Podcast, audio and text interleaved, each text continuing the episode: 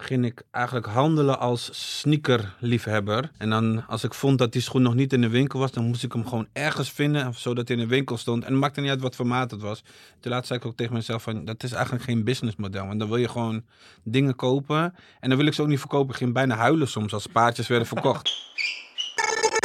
Weet je, ik sta op. Het eerste wat ik doe is door mijn Instagram heen scrollen. Ik zie alleen maar schoenen. Ik rij naar mijn werk. Ik denk na over schoenen. Welke wil ik nog, welke hoef ik absoluut niet. Ik kom op mijn werk. Ik ben heel de dag bezig met schoenen. Ik rij naar huis. En weet je, zo gaat het Ja, riedeltje. Gaat dag in, dag uit natuurlijk.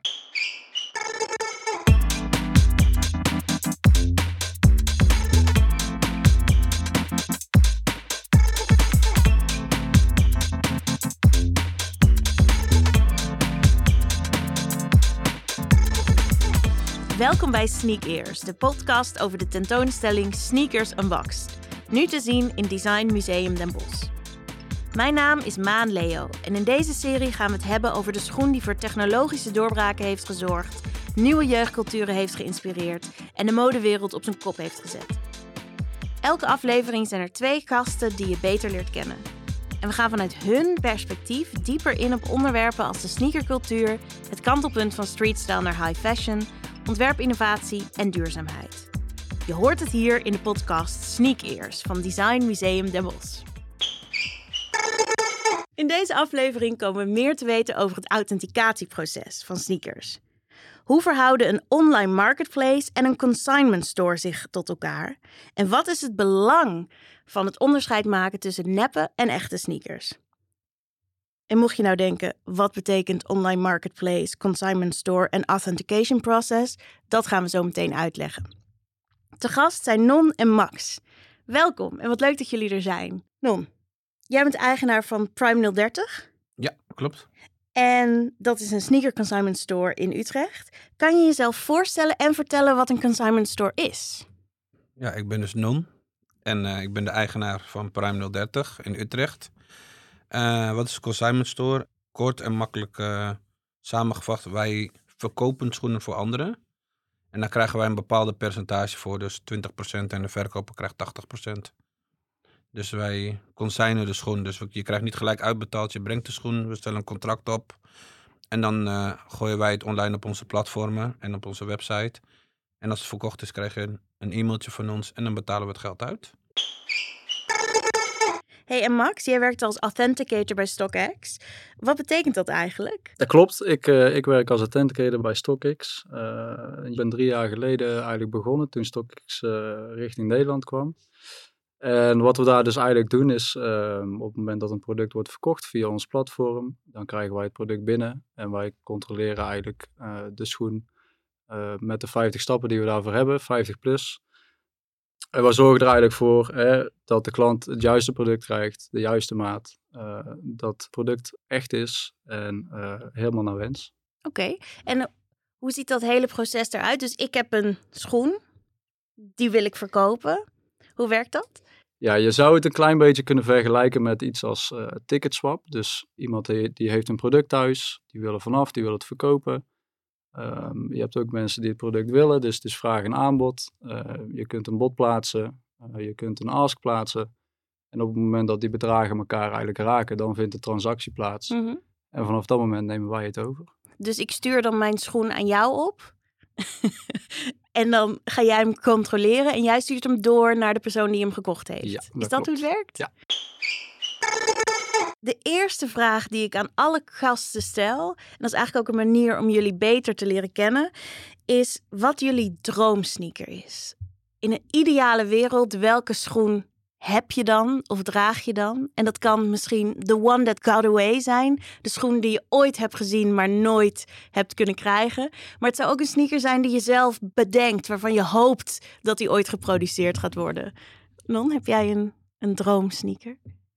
Ja, als het zo, zo fantasierijk mogelijk mag, dan mag je voor mij best wel transparant zijn en gewoon met zachte kussentjes onder mijn voet of zo. Zo, en dan hoeft het niet. Ik vind slippers met- of een slipperachtige type met gewoon air, gewoon dat je gewoon niet voelt dat je de grond eh, raakt. Dat zou mijn droomschoen zijn. Dan zit je dus helemaal op comfort. En niet zozeer ik op hoe hou die van eruit comfort. ziet. Ja, ik hou van comfort. Ik, Ja? ik, ik denk vroeger dat ik wel naar, naar uiterlijk keek, maar naarmate ik ouder word, dan ben ik wel echt bezig met wat zit echt lekker aan je voeten. Want je moet de hele dag lopen. En eh ene keer ben je wat zwaarder, wat lichter, dus het moet ook passen. En dan denk ik toch wel dat ik comfort wel het belangrijkste vind wat er is qua sneakers nu. En maakt het dan helemaal niet uit hoe jouw droomsneaker eruit ziet? Tuurlijk wel, hij moet wel een beetje bij me passen. En ik denk ook dat ik gewoon op een knopje moet drukken dat hij gewoon ten alle tijden matcht hoe ik het wil in mijn hoofd. Dus wanneer eens bij mijn kleding, maar gewoon als je gewoon een schoen ontwerpt die gewoon luchtig is, lekker. En je zegt gewoon eh, shoe on, blauw-groen. Dan dat hij dat ook gewoon doet. Nou, dat is wel echt een droomsneaker. Ja, voor mij wel, ja. Heel creatief, heel creatief. hoe ziet hij voor jou eruit, Max? Of hoe voelt hij? Hoe voelt hij? Hij zal waarschijnlijk een beetje voelen als, als wat ik dagelijks draag op dit moment. Mhm. Voor mij is het wel een bestaande sneaker. Ik ben eh, echt wel een MX1 eh, fan. En ik hoop dat Nike ook eh, heeft ge- geluisterd naar het publiek en dat die in 2023 gaat komen. Maar ik hoop nog steeds op de, de MX1 OG Big Window.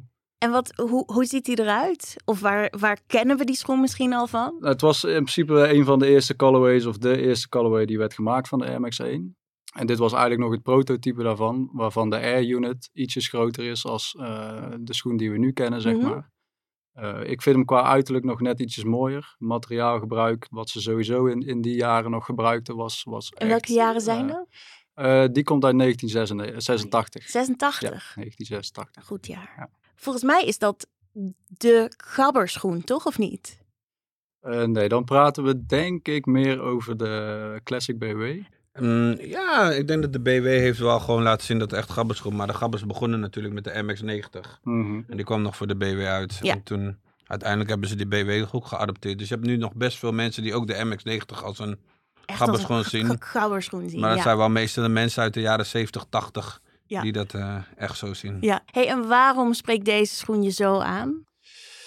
Ik vind hem heel eh, rustig qua uiterlijk. Ehm, sneakers zijn, zijn, eh, kunnen over het algemeen vrij, eh, een vrij druk uiterlijk hebben. En ik vind de Air Max 1 vind ik heel, heel elegant en heel, ja, heel rustig als schoen. En eh, specifiek deze kleur ook. Welke kleur is dat? Hij is eh, wit, grijs en rood. En ik vind persoonlijk sowieso wit met grijs vind ik een hele mooie combo. En dan nog één kleurtje erbij maakt voor mij echt een schoen vaak helemaal Ja. af. En je zegt misschien gaat die komen en misschien niet. Ja, hij is eh, announced, maar is dat officieel Ik, ik geweest weet het ook niet. Ik heb heel veel samples is- gezien. verschillende precies. kleuren, lelijke Ja. kleuren. Maar ik heb niet echt een mooie rood-witte gezien zoals vroeger. Materiaalgebruik zal waarschijnlijk ook, ook wel, wel anders zijn weer. Ja. Dus, eh, Dus het is nu nog even hopen ze- dat ze, ja, ze geluisterd wel, hebben. Ze willen wel zo, zoveel mogelijk in de buurt gaan zitten, Ja. denk ik. Ja. Maar eh, Ja. Als je naar die OG van de laatste keer krijgt, wat was het, 2018, 17? Die was ja, best die goed. was, ja, die was Die was mooi. Ja, een van ja. de betere mooi. retro's eh, Want als we het over een OG hebben, wat is dat dan?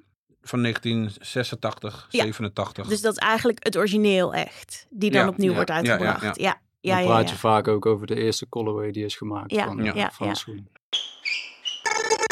Hey Max, jij hebt zojuist de tentoonstelling bekeken. Ben- Eindelijk. Eindelijk, ja. ja. Ik ben wel benieuwd, jij hebt dagelijks schoenen in je handen. Is het anders om een schoen in het museum te zien dan... Ja, dat is, dat, dat is het zeker. Ik heb inderdaad ook paardjes gezien die ik, eh, die ik gewoon echt nog nooit had gezien. En dan Ja. is het altijd leuk om daar even de geschiedenis en, en het hele verhaal bij te lezen. Ik zeg al, ik ben persoonlijk echt een MX1-fan. Dus ik zit heel erg gefocust altijd op Nike. Ja, maar in een, in een museum kijk je dan iets verder dan dat. En ehm, ja, leer je gewoon weer een hoop nieuwe dingen bij. Ja, leuk. En wat was het meest, ehm, wat was het model of het verhaal dat je het meest verraste, wat je misschien echt nog niet wist? Nou, ik vond het wel heel gaaf. Niet, wat me niet per se verra- verraste, maar eh, voor mij is sneakers, het sneakerverhaal is een klein beetje begonnen toen ik in de b-boy scene zat. Eh, ik ben breakdancer geweest. Eh, best wel lang gedaan ook. En ehm, nou ja, daar, daar had ik goede schoenen voor nodig. En toen kwam ik eigenlijk uit op de Puma Swerde en de Puma Clydes. Wat ik een heel leuk schoentje vind. Eh, qua comfort eh, misschien niet de allerbeste schoen, maar qua prijs en looks echt een hele leuke schoen. En er zit zoveel historie achter die schoen. Ja, Ehm, waar ik inmiddels ook al vanaf wist. Maar dan is het toch wel weer even leuk om dat schoentje hier te zien. En dan zeker ook de oude versie ervan. ja, Ehm, dat vind ik ook altijd wel mooi is om... om OG colorways worden soms nog, nog eh, in, in andere jaren teruggemaakt. Mhm. Eh, maar echt om een van de eerste dan te zien, dat is wel echt heel Dat is erg tof. Nou, dan heb ik dezelfde vraag. Wat was het, het, het verhaal wat je het meest verraste, waar je het meest van opkeek? Ik vind eh, alles op zich best wel interessant. Ik hou wel gewoon van schoenen met een verhaal. Dat vind ik sowieso wel leuk. Oeh, ik, ik, ik eh, bleef stilstaan ook de eerste keer bij, ik weet niet hoe die mensen heten. Die maken zo'n Vibron sol onder die schoenen en die, die zetten dat helemaal in elkaar. Ik weet niet hoe zij heten, maar dat, vind ik wel, dat vond ik wel leuk om te zien. Die hebben ook een soort van slipper gemaakt vanuit Ja. leer met allemaal stukjes. Ik Ja, weet niet hoe die dat zijn de heet. schoenen van Peterson Stoof. Ja, En zij, eh, zij waren jullie voorgangers in deze podcast. Twee afleveringen geleden zaten zij hier. Ah, oké. Jara Ja. en Jelske, de ontwerpers. Ja. En vertel eens hoe die schoenen eruit zien. En er zit eh, een nette zool onder Mhm. voor het publiek om het netjes te zetten en Ja. te zeggen. En eh, ik vind het best wel leuk gedaan eigenlijk. En ik hou meestal niet van customized dingen. Ik hou wel van originele dingen. Maar ik vind dat bij hun ziet het er wel heel, heel mooi mooi uit. uit, hè? Ja, het is bijna een Ja. soort collage van allemaal andere schoenen die ze samenvoegen Ja. tot één eh, nieuw model. Ja. Ja. En voor de rest, het is gewoon heel mooi opgezet en heel duidelijk. En ik denk voor iedereen die nog nooit zich erin heeft verdiept of denkt van ja, waar ga ik naartoe? Dat het wel een heel mooi verhaal is qua design, ehm, recycle, eh, geschiedenis. En eh, wat hij zegt, de b-boys zien het ontstaan en zo. Dus ja, ik vind Ja. het wel interessant. Leuk, goed om te horen. Hey Max, we hebben net gehoord dat jij bent begonnen als eh, b-boy in de breakdance scene. Hoe ben je dan uiteindelijk authenticator bij StockX geworden? Ja, dat klopt inderdaad. Ik, ehm, ja, toen ik een beetje begon met, eh, met b-boyen, toen, eh, toen ben ik echt Puma Clydes en Puma Sweaters gaan dragen. En eh, we hadden wat meer mensen in de crew zitten die, ehm, eh, die iedere, iedere twee weken op een paar nieuwe Air Max aankwam. Wat me heel erg verbaasde, want goedkoop zijn ze niet. Ja, ik ben me daar toen op een gegeven moment wel een beetje in gaan verdiepen en heb ik me afgevraagd van, joh, waarom hebben hun iedere twee weken een paar nieuwe sneakers? Ja, en zo, zo kwam ik een beetje in, in, eh, in de liefhebberij eh, terecht. En eh, Want waarom hadden ze dan iedere twee weken nieuwe sneakers? dat is een hele goede vraag. Ehm, ja, dat zal, dat zal...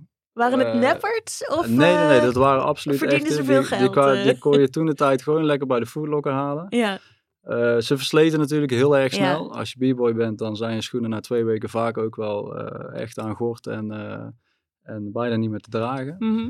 Ja, ja, zo ben ik een beetje in die liefhebberij beland. En Ja. eh, op een gegeven moment dacht ik van ja, waarom zou ik niet van mijn hobby mijn werk maken? ja. En dat was dan rond, wat is het, 2015 toen StockX naar Nederland kwam? Oeh, dat is nou eh, drie jaar geleden. Dus Oh nee, dat is 2019 wel zaten 2019, toen. ja, ja. want het is ontstaan eigenlijk eh, in de US. Ja. Daar is het inderdaad in 2015 ontstaan. En toen zijn ze in 2017 geloof ik, of 2018 zijn ze naar Europa gekomen. Toen eh, Engeland nog bij Europa hoorde in ieder geval. En daarna kwamen ze naar Nederland. Hoe is dat bij jou, Non? Hoe heb jij van je... Ik neem aan dat je een grote sneakerliefde had. Hoe heb je daar je werk van gemaakt? Met mijn andere collega, dat we schoenen gingen customizen, opknappen een beetje. Hij, maakte, hij, hij was eigenlijk al gewoon, ja klinkt raar, in de jaren negentig eh, deed hij al schoenen veranderen. Hij kan niet tegen dingen zeg maar, die er zo origineel uitzien, zeg ik altijd.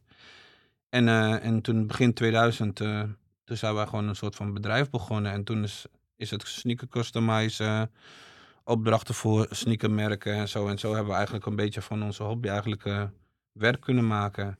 En toen kwam ineens eh, ook de winkel zeg maar erbij. En dat stond daar wel weer los van. En dan ja, je houdt toch wel altijd van schoenen. Ook al gaat het met vlagen of zo, dan denk je van ja, als ik sommige schoenen zie, dan word ik toch wel vrolijk. Dus toen dacht ik van ja, waarom ook niet? Dan kan ik eigenlijk ook best wel dit doen. Als het ook nog een beetje geld verdient.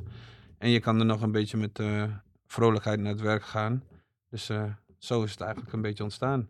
Want ik heb jou geïntroduceerd als de man van Prime 030. Ja. Doe je dat customizen nog steeds? Nee, ik niet meer, ja. Ik was daar snel op afgehaakt, ja. Ja? Ja, ja. Ik vond dat... eh, nee.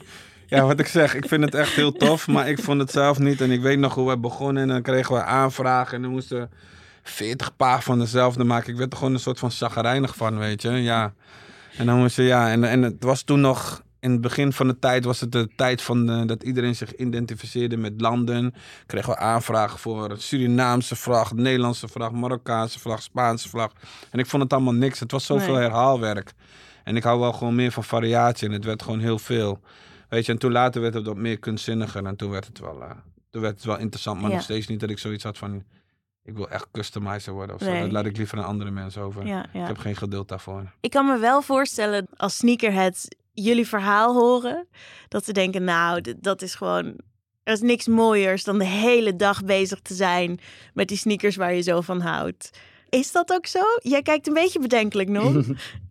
Ik, ik denk dat iedereen toch wel tegenwoordig rapper wil zijn. En fotograaf en DJ. Dat is toch de droombaan? Nee, dat denk ik dan, weet je. Ja, gewoon, ze denken allemaal dat het easy money is. ja. Weet je, yo, yo, yo roepen en dan eh ching, ching. En Ja. een dure auto of vlogger. Is ook... eh, nee, ik- Misschien ik, ik, iets meer in de spotlight dat mensen willen. Ja, ik, denk dat de, ik denk dat de jeugd van nu wil gewoon snel rijk worden. En gewoon beroemd worden online. Dat denk ik, hè. Dat Mhm. is wat ik...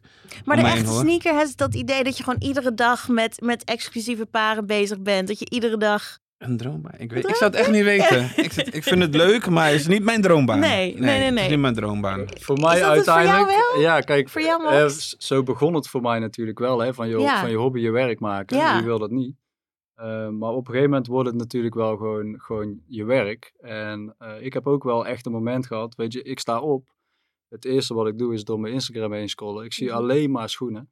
Ik rij naar mijn werk. Ik denk na over schoenen. Welke wil ik nog, welke hoef ik absoluut niet. Ik kom op mijn werk. Ik ben heel de dag bezig met schoenen. Ik rij naar huis. En weet je, zo gaat het Ja, riedeltje. Gaat ja. dag in, dag uit natuurlijk. Hè, de, de, de passie voor sneakers, die, die zal er altijd blijven voor Mhm. mij. Eh, maar ik heb wel zoiets van, eh, mijn passie voor, voor sneakers en werk, zeg maar, dat, dat hou ik wel een beetje, een beetje apart. Tuurlijk Ja. is het hartstikke leuk hè, als je er staat en, eh, en je krijgt een paardje voor het eerst te zien. Of je krijgt een, een, een heel oud paardje die, eh, die bijna uit elkaar valt en die, Mhm. die, waar je echt super voorzichtig mee moet zijn. Of, hè, dat is hartstikke leuk. Maar voor mij hou ik wel mijn, mijn werk en mijn... mijn passie voor sneakers een beetje probeer ik gescheiden te houden. Ja, in ieder geval. ja. Ik, ik- wat hij zegt, dat denk ik ook. In het begin was gewoon, als ik zeg maar...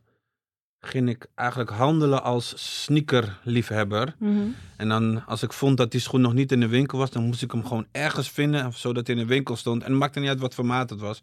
Toen laatst zei ik ook tegen mezelf van, dat is eigenlijk geen businessmodel. Want dan wil je gewoon dingen kopen. En dan wil ik ze ook niet verkopen. Ik ging bijna huilen soms als paardjes werden verkocht. ja, ik ben gewoon heel eerlijk. Dan dacht ik van, ja, ik wil die schoen eigenlijk zelf. Ja. En dan ging die verkocht en dan zeiden mensen van, wil je het wel verkopen? Zeg ik, ja, ja. Moet ook eigenlijk wel een soort van brood verdienen. Dus nu sta ik er wel meer business mind in. Ja. Gewoon van, joh, ja. gewoon knallen. En dat is misschien ook wel beter. Is ook beter, Ja. weet je. En, dan, ja, en daardoor heb ik ook gewoon mijn privécollectie en de winkelcollectie heb ik gewoon gescheiden. Ja. En ik denk dat is ook beter gewoon. Ja. Want ja, je moet gewoon, ja, je moet ook geld verdienen eigenlijk. Ik ben wel benieuwd, wat zijn jullie eigenlijk van elkaar? Zijn jullie, of nou ja, niet misschien jij per se als Max, maar meer als eh, vertegenwoordiger van StockX. Zijn jullie collega's? Zijn jullie concurrenten als Prime en StockX? StockX, StockX is gewoon StockX, zeg ik altijd. Ja, Weet je, kijk, ik moet politiek blijven, maar ze zijn gewoon StockX. ja. en wat is non van jou, Max? Kijk, wij kennen elkaar natuurlijk al wel langer dan vandaag. Ehm, ook super toevallig dat we hier allebei zijn uitgenodigd Mhm. natuurlijk. Eh, maar we kennen elkaar langer dan vandaag. Dus ja, persoonlijk vlak zijn we gewoon vrienden. En ehm, Ja. Eh, het is inderdaad, ik zit hier namens StockX. Eh, maar zo'n vraag als deze, die, die beantwoord ik het liefste vanuit mezelf. ja, ja. En, Mhm. ehm, ik heb liefde voor iedereen. Ja. Dus, eh, Ik ook hoor, ik ben niet zo. Ik bedoel, mensen kunnen wel gewoon boos zijn, verontwaardigd zijn en eh, haten of liefde hebben voor StockX. Weet je, Mhm. ze, hebben, ze zijn een, een gamechanger geweest. Ja. Een hele grote gamechanger geweest. Helemaal voor de markt. Ook gewoon op de manier hoe ze zo snel spullen kunnen vervoeren over de wereld en eh, dergelijke. En dat er gewoon gerefereerd wordt naar hun prijs en dergelijke. Ik weet niet of het ten goede is gegaan. Mhm. Want eh, voor de sneakercultuur, de sneakerliefhebbers en dergelijke.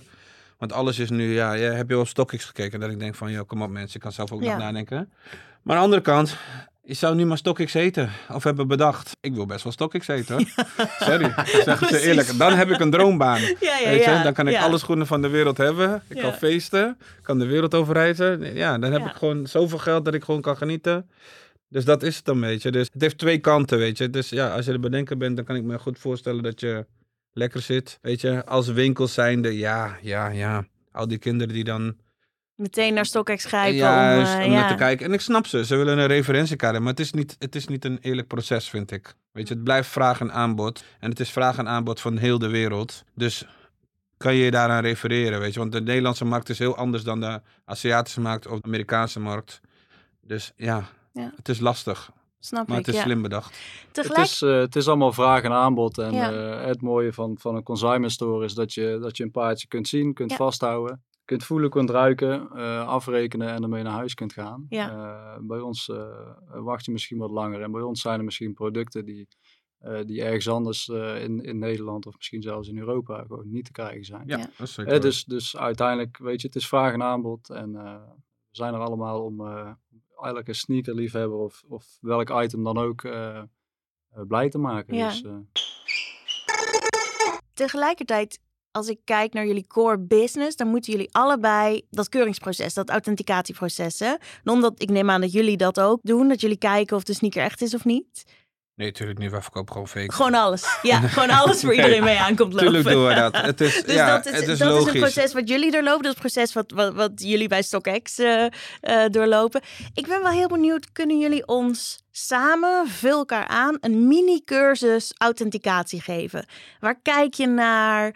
Ehm, je hoeft ons niet alle 50 stappen door te nemen. Dat is misschien wat veel. Maar vertel eens in grote lijnen.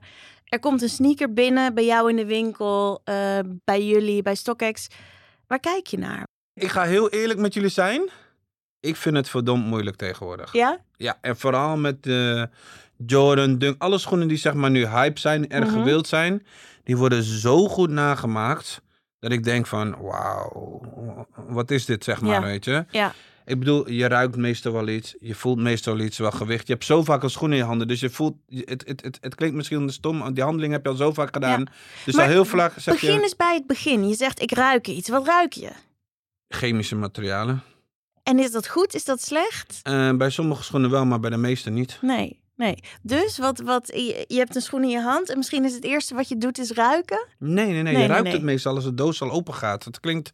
Je, ja, ik kan het niet zo goed uitleggen. Je bent al de hele dag met schoenen bezig. Ja, ja, ja. En ik denk dat het voor hem nog makkelijker uit te leggen is. Want hij ziet nog meer schoenen de Max, hele dag. wat ruik jij? Nou ja, ik- sowieso, hè, het, het, het hele proces begint eigenlijk al voordat je die schoenen überhaupt ziet. Mhm. Ehm, hè, ehm, wat, ik, wat ik net al, al aangreep is, ehm, je wil natuurlijk altijd weten, is het het juiste pro- product? Ja. Eh, klopt de maat? Ehm, en het begint eigenlijk al bij de doos. Want op het moment dat jij ehm, hè, een schoen gaat controleren, zie je eerst de doos. En daarna zie- zie je de schoenen pas.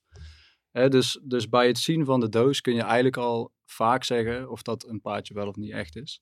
En waar kijk je dan naar? De, de, de print, het Ja, materiaal? dan, dan, kan je, dan ga je dus heel erg terug naar brand standards. Ja. Hè? Ehm, eh, elk merk eh, die gebruikt zijn eigen, zijn, zijn, zijn eigen soort karton, ehm, eh, gebruiken bepaalde kleuren, ehm, ehm, heeft een bepaalde dikte van, eh, van de inklaag die erop zit, et Mhm. cetera, et cetera. Lettertype. Lettertype, eh, noem maar op. Hè? Dus eh, je, de doos en dan heb je natuurlijk ook de boxlabel die altijd op de doos zit. Mhm. Dat kun is de sticker die erop zit, waar de maat en model ja, op staat. klopt. Hè? Daar kom je, kun je vaak ook al heel veel van afleiden. En op, op het moment dat die doos eigenlijk open gaat en, en dat je echt, ehm, nou sterker nog, dan heb je ook nog een stapje tussendoor, want er zit vaak beschermingspapier in zo'n doos. Eh, dat kan ook heel veel zeggen over of dat een schoen wel of niet eh, echt is. Nou ja, en als je dan echt daadwerkelijk naar de schoen gaat, hè, dan heb je natuurlijk inderdaad een stukje geur. Ik zeg altijd, je moet dan zoveel mogelijk zintuigen gebruiken. Ja. Voelen, ruiken, zien ja, qua geur heb je eh, inderdaad eh, chemische, chemische luchtjes. En niet, niet eens per se dat, maar ook veel modellen, hè, die, die je dan wellicht ook vaak, vaak in de hand hebt gehad, die hebben gewoon een hele specifieke geur. Ik als authenticator geef eigenlijk iedere schoen een soort van eh, naam op geur, zeg maar. Dus ik weet op het moment dat ik zo'n schoen uitpak, weet ik, oké, ik moet nu dit gaan ruiken. Vervolgens ruik ik aan die schoen en dan weet ik gewoon, het klopt. Mocht het afwijken van wat ik van tevoren al in mijn hoofd had, dan weet ik van, oké, hier moet ik eventjes verder gaan kijken. Ja. En dat is, Want zo'n geur is dan misschien een, combinatie van de lijm en het, en, en, en Ja. het plastic en het Ja. leer dat gebruikt is. Dat is wat je ruikt eigenlijk. En dan, we hebben de- de neus geactiveerd. Dan gaan we kijken. Waar kijk je dan allemaal naar? Welke onderdelen van de sneaker? Misschien Non, wil jij hem weer overpakken? Wij zijn dan gespecialiseerd in Air Max. Wij kijken meestal naar de airbubble. We kijken of de stitching aan de binnenkant goed zit. De oudere schoenen hebben een gaatje extra en dingen. En het is, ik weet niet of het helemaal waar is, dat zou je kunnen dingen. Weet je, je ziet gewoon aan de binnenkant van de schoenen, zeg maar, genaaid. En als het heel slordig is, dan moet je nog weer dubbelchecken of het wel echt zo is. Ik kijk in de label naar de binnenkant. Ja, hij kijkt naar het plastic. En wat ik het liefst doe, is gewoon alles wat ik zelf heb gekocht en wat ik zelf heb en gewoon mee vergelijken. Bij twijfel gewoon niet doen. Nee, Weet nee. je, en soms zit je er ook naast, boeien. Maar je, je kan gewoon niet je naam kapot maken met een eh, fake schoen. Nee, dus dan ben je eigenlijk heel voorzichtig in. Als je ja, twijfelt, je bent heel, als je niet, ja. twijfelt, gewoon bij twijfel doe ik het gewoon Ja, echt ja, niet. Ik zeg ook gewoon bij twijfel niet doen. Het Ja. is, Hey, en waar twijfel je dan aan? Wat zijn dan dingen waarvan je denkt, ah, misschien wel, misschien Eh, niet? ik vraag sowieso tegenwoordig ook aankoopbewijs. Maar ja, dit maken ze ook allemaal aan. En dan vraag ik altijd gewoon welke winkel. Ja, ik kan niet echt bepaalde zaken zeggen. Want dan Nee, nee. verklap ik me ook Snap naar ik, mijn ik. klanten toe. Weet je? Ik zeg ook soms wel eens gewoon van... eh, ja, ik ken de eigenaar. Ik ga voor je bellen. Ja. Weet je, en dan zie je ook gewoon aan de houding van de persoon, zeg maar. Weet je? En je weet Ja. ook gewoon... Er zijn bijvoorbeeld, bijvoorbeeld vlagen. Op een gegeven moment dat je die Travis Scott bijvoorbeeld, weet Mhm. je. Op een gegeven moment krijg je 36 mailtjes. Hé, hey, ik heb Travis Scott 1. Dan ga je in één keer denken, hoe kan dat dat iedereen een Travis Scott 1 heeft en in één keer wil consignen? Ja, en dan laat je er gewoon twee of drie komen. Allemaal fake. Allemaal fake, ja. Ja. Want hoe zit dat bij jullie? Jij, jij hebt natuurlijk niet het voordeel dat je iemand diep in de ogen kan kijken en aan de lichaamstaal kunt zien of hij eh, aan het lullen is. Nee, dat klopt. Bij ons heeft het vooral wel, hè, op het moment dat wij beginnen bij StockX, dat een authenticator op, eh, begint bij StockX, dan worden die echt heel lang getraind. Eh, Ja. daar gaan maanden overheen. Eh, en het is heel veel ervaring ook. Hè. We krijgen ook paardjes binnen die we nog nooit hebben gezien. Mhm. Hè. Waar ga je dan naar kijken? Dat is Ja. vaak het moment dat we even met z'n allen samenkomen. En dat we echt gewoon, gewoon diep op die schoenen ingaan. Goed kijken met z'n allen en dan samen een beslissing maken. Ja. Maar over het algemeen, hè, wij worden gewoon supergoed getraind. Eh, die training zal nooit afgelopen zijn. We Ja. hebben wekelijkse meetings waarin updates worden doorgegeven. En wat voor Ehm, updates zijn dat dan? Nieuwe materialen of zo? Of hoe? Eh, nieuwe materialen, nieuwe producten. Op het moment dat we, dat we iets vaker gaan zien. Bepaalde schoenen die wat vaker een defect hebben, waar iets mis mee is. Mhm. Eh, w- waar kijken we wel naar, waar kijken we niet naar? Waar let je op, waar let je niet op? Ja, die training gaat eigenlijk gewoon dagelijks door. Eindeloos door, Ja. ja. Want als ik jullie allebei hoor, dan denk ik, jullie moeten een waanzinnige hoeveelheid kennis hebben. En kennis over materialen, over processen, over alle soorten sneakers die er bestaan. Hebben jullie hier een soort bijbel voor? Woont dit allemaal in jullie hoofd? Ik, ik denk het niet, maar wat wel mooi is, en daar moet je ook soms wel voorzichtig bij zijn. We hebben internet. Wat een soort ultieme sneakerbijbel is. Juist. en eigenlijk als je gewoon, gewoon bij wijze van spreken drie, vier of vijf reviews doet van een bepaalde schoen. En je kijkt ook gewoon, ja, iedereen kan met internet. Is deze persoon wel serieus of niet serieus? Weet je, wordt deze wel serieus of niet serieus? Dan kan je ook best wel veel achterhalen of iets nep of echt is.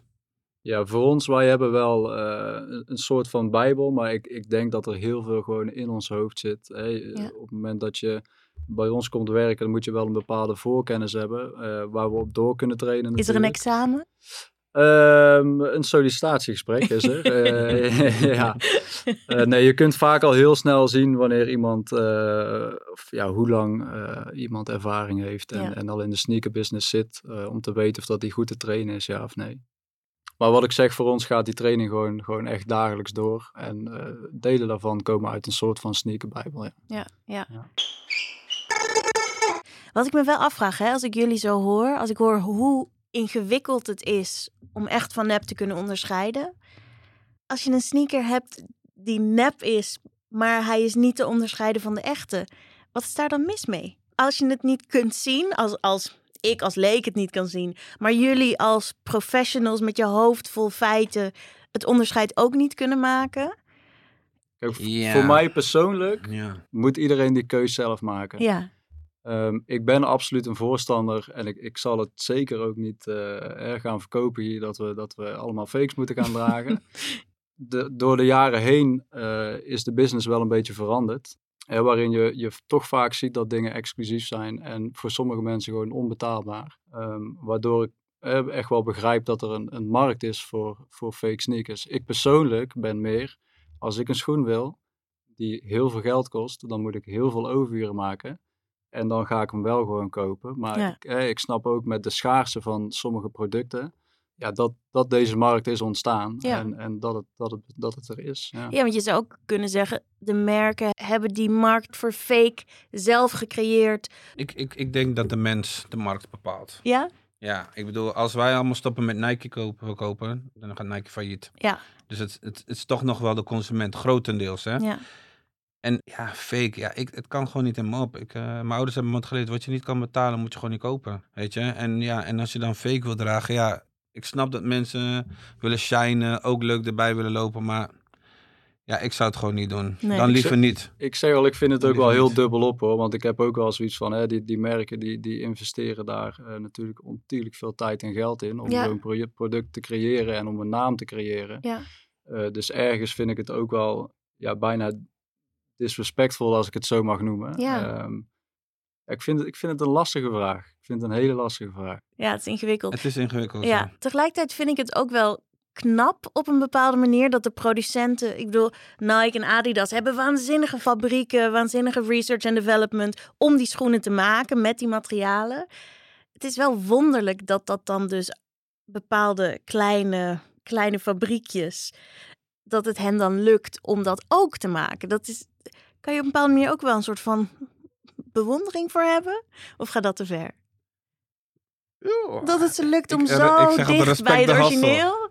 Respect de Respect zeg ik al. Ja, ik respect de hustle, weet Ja. je. En het is, ja, ja, ik, bewondering. Ja, ik Dat is misschien een groot Het woord. is een groot woord, maar respect de hustle, weet je. Ja. Ik bedoel, ik vind het wel funny als je soms verhalen hoort, gewoon dat de fabriek dan dicht moet omdat ze dan klaar zijn, dat er dan stiekem nog duizend paar nagedraaid wordt. Ja, Dus dan is het opeens een één op één of het is nagedraaid in de fabriek. ja. Dus die kan je wel dragen. Kijk maar, je kan het niet controleren. Ja, voor mij blijft het gewoon fake. Want Ja. het is niet door de Nike-controle heen gegaan. Het is hetzelfde als ik een schilderij maak en iemand eh, gaat een namaken en, eh, omdat hij bij mij werkt en dan zegt in één keer is echt. Het blijft Ja. gewoon fake. Maar ik heb wel respect voor de hustle. Ik vind het wel dope. Het, het schijnt een grote eh, verdienst eh, ja. te zijn. eh, Ja. ja. Heb jij respect voor de hustle, Max? Ik sluit me er helemaal bij aan. En het- wat ik ook mooi vind, dat is ook weer iets wat, wat in de loop van de jaren is veranderd. Het is eh, op dit moment niet per se fabrieken die ook eh, fakes maken. Maar je hebt ook gewoon echt mensen die thuis gewoon letterlijk met de hand alles in elkaar aan het zetten zijn. Mhm. Eh, vind ik heel bijzonder. Respect de ja. Ja. Ja. Nou, en met respect voor de hustle eindigen we dan deze podcast. Max, Non, heel erg bedankt. Fijn dat jullie er waren. Dit was de derde aflevering van Sneak Ears, de podcast van Design Museum Den Bosch. De tentoonstelling Sneakers Unboxed is te zien van 5 mei tot 16 oktober 2022. Wil je meer van onze podcast horen? Abonneer je dan in Apple of op Spotify. Wil je meer weten over de tentoonstelling? Neem dan eens een kijkje op de derde verdieping, het online platform waar we de thema's van onze tentoonstellingen nog verder uitdiepen. Je vindt de derde verdieping op designmuseum.nl. Mijn grote dank gaat uit naar Judith Meinders en Sander Bergwerf van Outcast. Onze soundtrack werd gemaakt door Jelle Meeuwsen van We Hear You. De productie van deze podcast wordt verzorgd door Jente van den Wijngaard.